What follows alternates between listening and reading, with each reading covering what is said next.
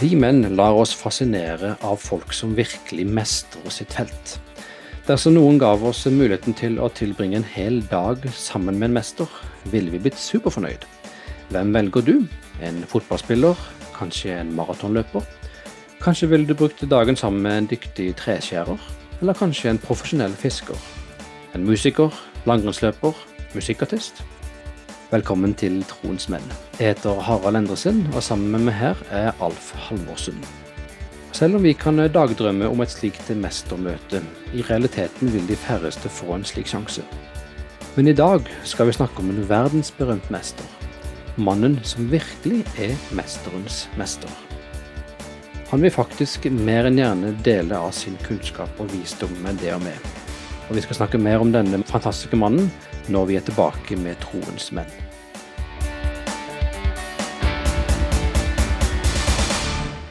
Velkommen til Troens menn.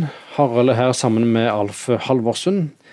Jeg nevnte dette med muligheten for å tilbringe en hel dag sammen med en dyktig fagmann, en mester. Og hva med det, Alf? Hvilken mester tror du du ville valgt? Når jeg tenker på det som har vært livet mitt, så tror jeg de mesterne som eh, jeg gjerne ville møtt, kanskje de fleste av de er døde. Men jeg har stor skal vi si, beundring for en del eh, misjonærskikkelser. Som da eh, nå er først og fremst gjenstand for, eh, for bøker. Men det er to store menn som misjonær i Santalmisjonen og siden Nordmisjonen. Altså er jo Lars Olsen Skrefsrud en, en utrolig figur. Eh, allsidig. Det å skulle ha møtt han en gang hadde vært utrolig eh, Og ikke minst en språkmektig person. Jeg sliter jo med språk og snakker noen, noen flere språk, men eh, jeg, jeg syns jo ikke jeg er noe så spesielt. Så når han eh, Lars Olsen Skrevsrud snakka 42 språk Og det er jo selvfølgelig tilsvarende eh, genier på det området nå også, men, men språkmektige mennesker har jeg stor sans for. Og sånn rent menneskelig så kunne jeg godt vært sammen med en mester i lærdueskyting. Ja, for jeg er jo glad i å jakte, vet du? Ja, jeg liker å jakte, og jeg, jeg får så altfor lite mulighet til å tre, trene på fluktskudd. Og dermed så å se disse som plukker ned due etter due i, i eh, titalls, og, og, få, og, som har eh, si, hagla i, i, eh, som en del av kroppen. Ja, utrolig Vel, vel. Det er bare et par eksempler. Ja, det er artig å dagdrømme litt. og de, men de fleste av oss vil jo uansett ikke få en slik sjanse til å være med en sånn mester, iallfall ikke alltid. Men det er én mester som ikke kan vente med å tilbringe tid sammen med oss, og det er Jesus. Ja, det er ganske utrolig eh, å tenke på at vi faktisk da har med en mester som ikke, som de fleste eh, holdt på å si, er i tidsklemma, og du må få audiens, men det er faktisk en mester som ønsker å være sammen med oss. Og når da den Jesus som er mesterens mester, og som vi skal komme tilbake til seinere, er eh, faktisk en som, eh, som venter, ja, som lengter etter faktisk fellesskap med oss. Ja, det er et interessant perspektiv det der, men la oss bli litt mer konkrete. Når du sier at Jesus er en mester som vi gjerne vil, vi gjerne vil tilbringe tid med, hva mener du med det? Ja, Jesus er jo helt unik. Eh, nå var det jo mange store mennesker i historien som levde et kort liv, men 33 eh, år er eh, kort. Det er ingen som på så kort tid har eh, satt så store spor etter seg i historien. Og i tillegg når du vet at han dro bare ca. 160 km fra hjembyen. Han hadde ingen formell utdannelse, og allikevel så er han den mest innflytelsesrike mannen som noensinne har levd. Vi synger om ham, og i denne programserien skal vi se hvordan vi kan vandre sammen med Gud på et dypere nivå. Og vi har hentet hjelp fra en bok som heter De fire prioriteringene. En mesternes mester, en som er mester i alt. Ja, det er virkelig fascinerende. og jeg blir alltid så imponert når jeg ser på OL, og det er jo stadig vekk det kommer opp er aktuelt i vår sammenheng, særlig vinter-OL. Og der er utøverne så ufattelig dyktige i sitt felt. De har fokusert og trent på én ting, og det er blant de beste i verden. Og jeg har egentlig aldri sett på Jesus ut fra et slikt perspektiv som en ultimat mester, altså en som samtidig er en mester som ønsker å dele sin kunnskap og visdom med oss. Og vi har ubegrenset tilgang til ham hele døgnet. Men vi må grave enda litt dypere her. Hva er egentlig Jesus mester i, vil du si, Alf? Ja, eh, her er mange perspektiv, men la oss begynne med det faktum at han er eh, mester i historie. På flere vis. Det er jo slik Bibelen presenterer han. Jesus er historie. Sånn begynner Johannes evangelium, det første kapittelet og de fire første versa. I begynnelsen var Ordet. Ordet var hos Gud, og Ordet var Gud. Han var i begynnelsen hos Gud. Alt er blitt til ved ham, og uten ham er ikke noe blitt til av alt det som er til. I ham var liv, og livet var menneskenes lys.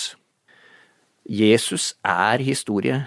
Og for det andre, Jesus former historien.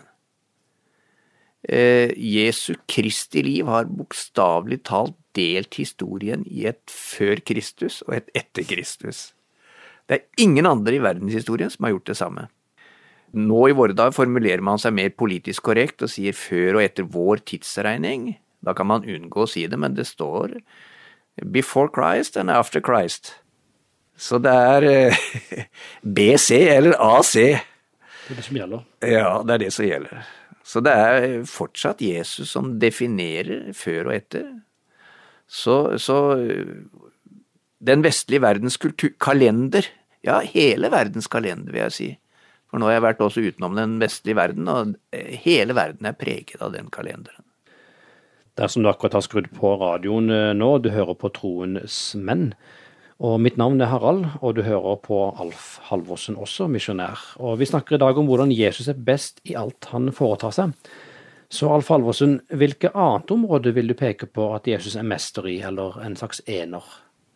Ja, han er mester, og for å bruke verbet, han mestrer. Eh, tid og rom. Avstand og distanser spiller ingen rolle. Og dette ser vi jo i Ta et eksempel, situasjonen med en kongelig embetsmann i Kapernaum. Det står i Johannes kapittel fire.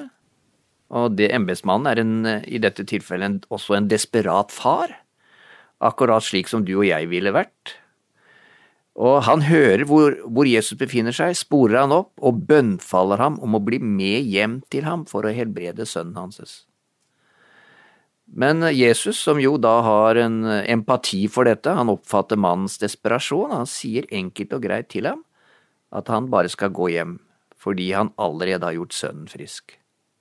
Altså selv uten å bevege seg i tid og rom, så gjør han ting andre steder enn der han befinner seg. Jeg kan huske en uh, tilsvarende situasjon hvor Jesus helbreder tjeneren til en offiser. Ja, og det står i Matteus uh, kapittel åtte. Eh, men, men, hva er det neste du vil trekke fram som Jesus er uslåelig i? Han er eh, tidens mester. Vi er fortsatt i Johannes-evangeliet, vi kan hente de fleste eksemplene derfra. Selv om, eh, som du nevnte, Matteus, mye annet står i, i de andre, eh, hos de andre evangelistene. Men i kapittel fem i Johannes-evangeliet så beskriver evangelistene en situasjon hvor Jesus møter en mann som hadde vært syk sannsynligvis lam, det ser sånn ut, i 38 år. Så spør Jesus ham om han har lyst til å bli frisk. Og mannen bekrefter dette. Og så gjør Jesus ham frisk med øyeblikkelig virkning. Etter 38 år. Og Der altså ligger denne mannen, og her, det var all verdens forestillinger om at man måtte være førstemann ut i, en, i opprørt vann. Eh, og så eh, hele tida var det snakk om, sant, nesten sånn magisk, å, å komme i det vannet som førstemann etterpå. Og så kommer Jesus og sier han bare et ord. Etter 38 år. Så møter han det ordet uten noe annet enn et ord. Reis deg, ta sengen din og gå. Så Jesus er eh, tidens mester, også i våre liv. Han griper inn. I hans time. Så det har ingenting å si hvor lenge vi har strevd eksempel med, med en synd, eller vært i en vanskelig situasjon. Ikke la tidsperspektivet deprimere deg. Jesus er, har, han kan forandre alt her og nå. I Bibelen står det i 2. Petters brev kapittel 3, For Herren er en dag som tusen år, og tusen år som en dag. vår kalender og Guds kalender er tydeligvis to helt forskjellige ting. Ja. Og det er jo den store treningen i, i, å, i å tenke Guds tanker, det å tenke Guds målestokk. Men eh, videre så er jo Jesus den ener, han er en mester i mengde. Og da er vi i Markusevangeliet kapittel seks. Eh, og det står ikke bare hos Markus. Der fortelles historien om Jesus som mettet 5000 mennesker med fem brød og to fisker. Altså, Jesus kan bruke det han har for hånden, og få det til å strekke til. Til å være nok, til å forsørge en stor, stor folkemengde. Det har stått for meg at det, det som vi driver med nå, Harald, med radio Her er vi to menn, og det er, det er to stemmer. Men dette uten at vi blir fattigere, uten at vi taper noe, så sprer dette her til seg til sikkert mer enn 5000. Ja, det er veldig sant. Så han ga faktisk ord Han ga brød Han ga brød ordets egenskaper.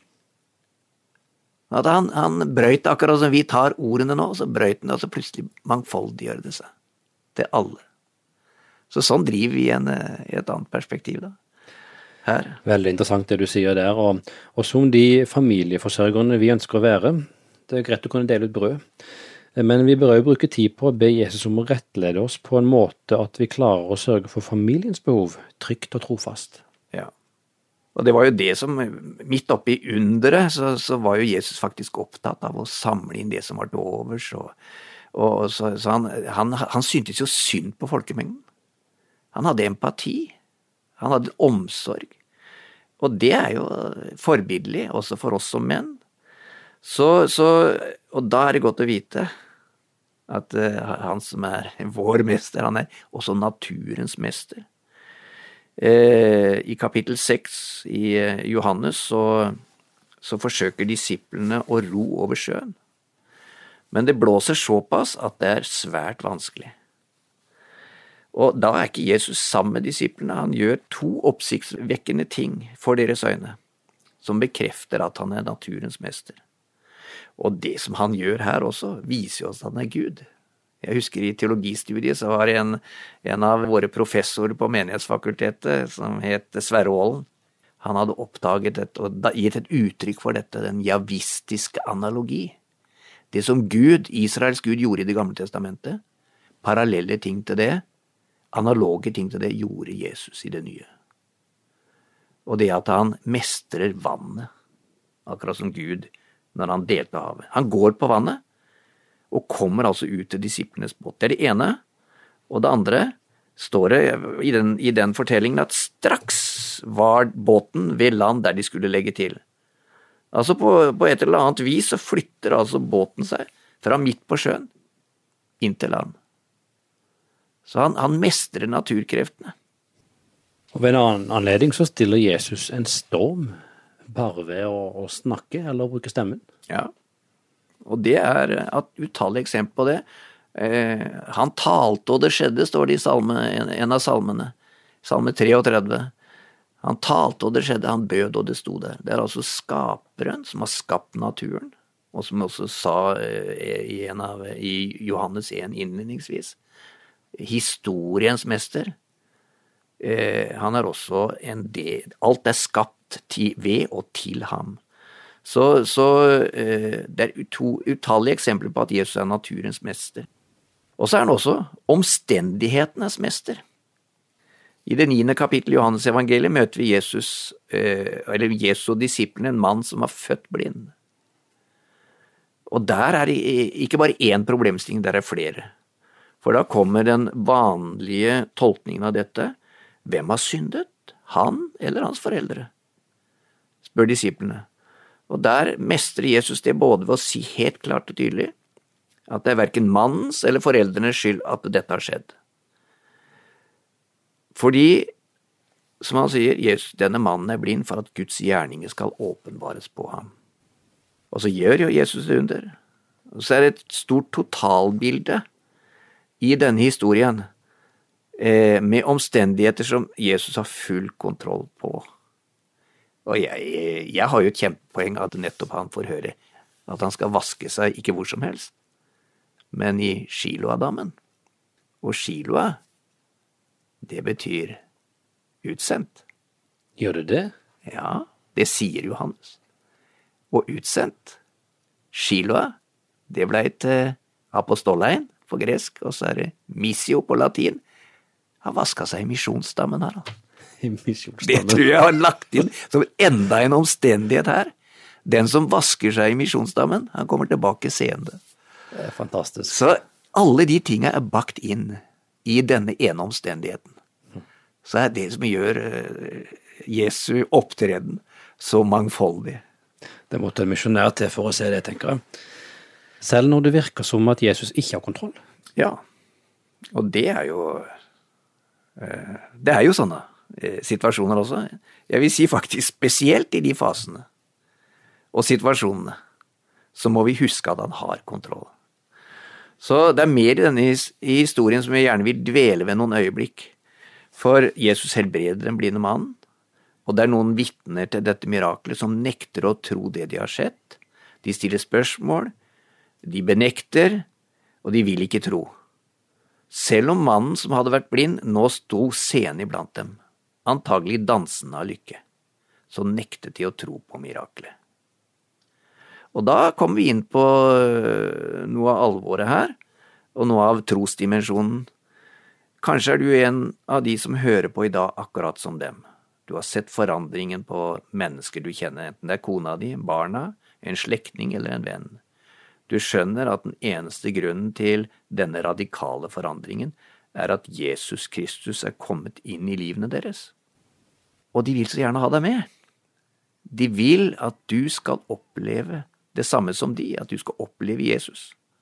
Men kanskje nekter du. Du er altfor smart, altfor sterk, altfor redd, eller altfor stolt til å tillate at Jesus skal bli mesteren i livet ditt. Men du kan endre på dette akkurat nå. Tidenes mester kan gripe inn akkurat nå. Vend om til Gud og si unnskyld at jeg har vært så stolt. Beklager at jeg har vært arrogant.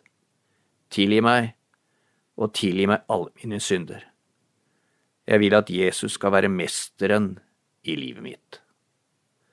Våg å si det. Prøv det. Det er mange eksempler på mennesker som har tatt den sjansen og opplevd at han er ikke langt unna. Jeg håper at alle som ikke, ikke, har tatt imot Jesus som sin herre og mester, eh, vil gjenta disse ordene som du nå sa her, Alf. Og dersom du som hører på gjorde det, fortell det til de du har rundt deg. Fortell det gjerne også til oss her i Troens menn. Vel, her og nå skal vi se om vi kan rekke over et område til hvor Jesus er mester. Ja, det er det store. Der er vi alle likt, fordi Jesus er mester over livet og døden. For Jesus hadde en venn som het Lasarus. Står i Johannesevangeliet, det også, kapittel 11. Han ble syk og døde. Og Jesus og disiplene faktisk drøyde Jesus litt for å øke effekten av dette underet. Han drøyde eh, sånn at de først kom fram fire dager etter at døden inntraff. Og da er i hvert fall alt håp ute. Det lukter jo han, sa jo de. Han hadde vært død i fire dager. Men Jesus hersker over liv og død, og så står han ved inngangen til vennens grav, og så roper han, og der har du ordet igjen. Ingen andre fakter, ingen andre medier, ingen magi. Ordet fra Guds munn, og så sier han, Lasarus, kom ut. Og så er det det som skjer. Han talte, og det skjedde.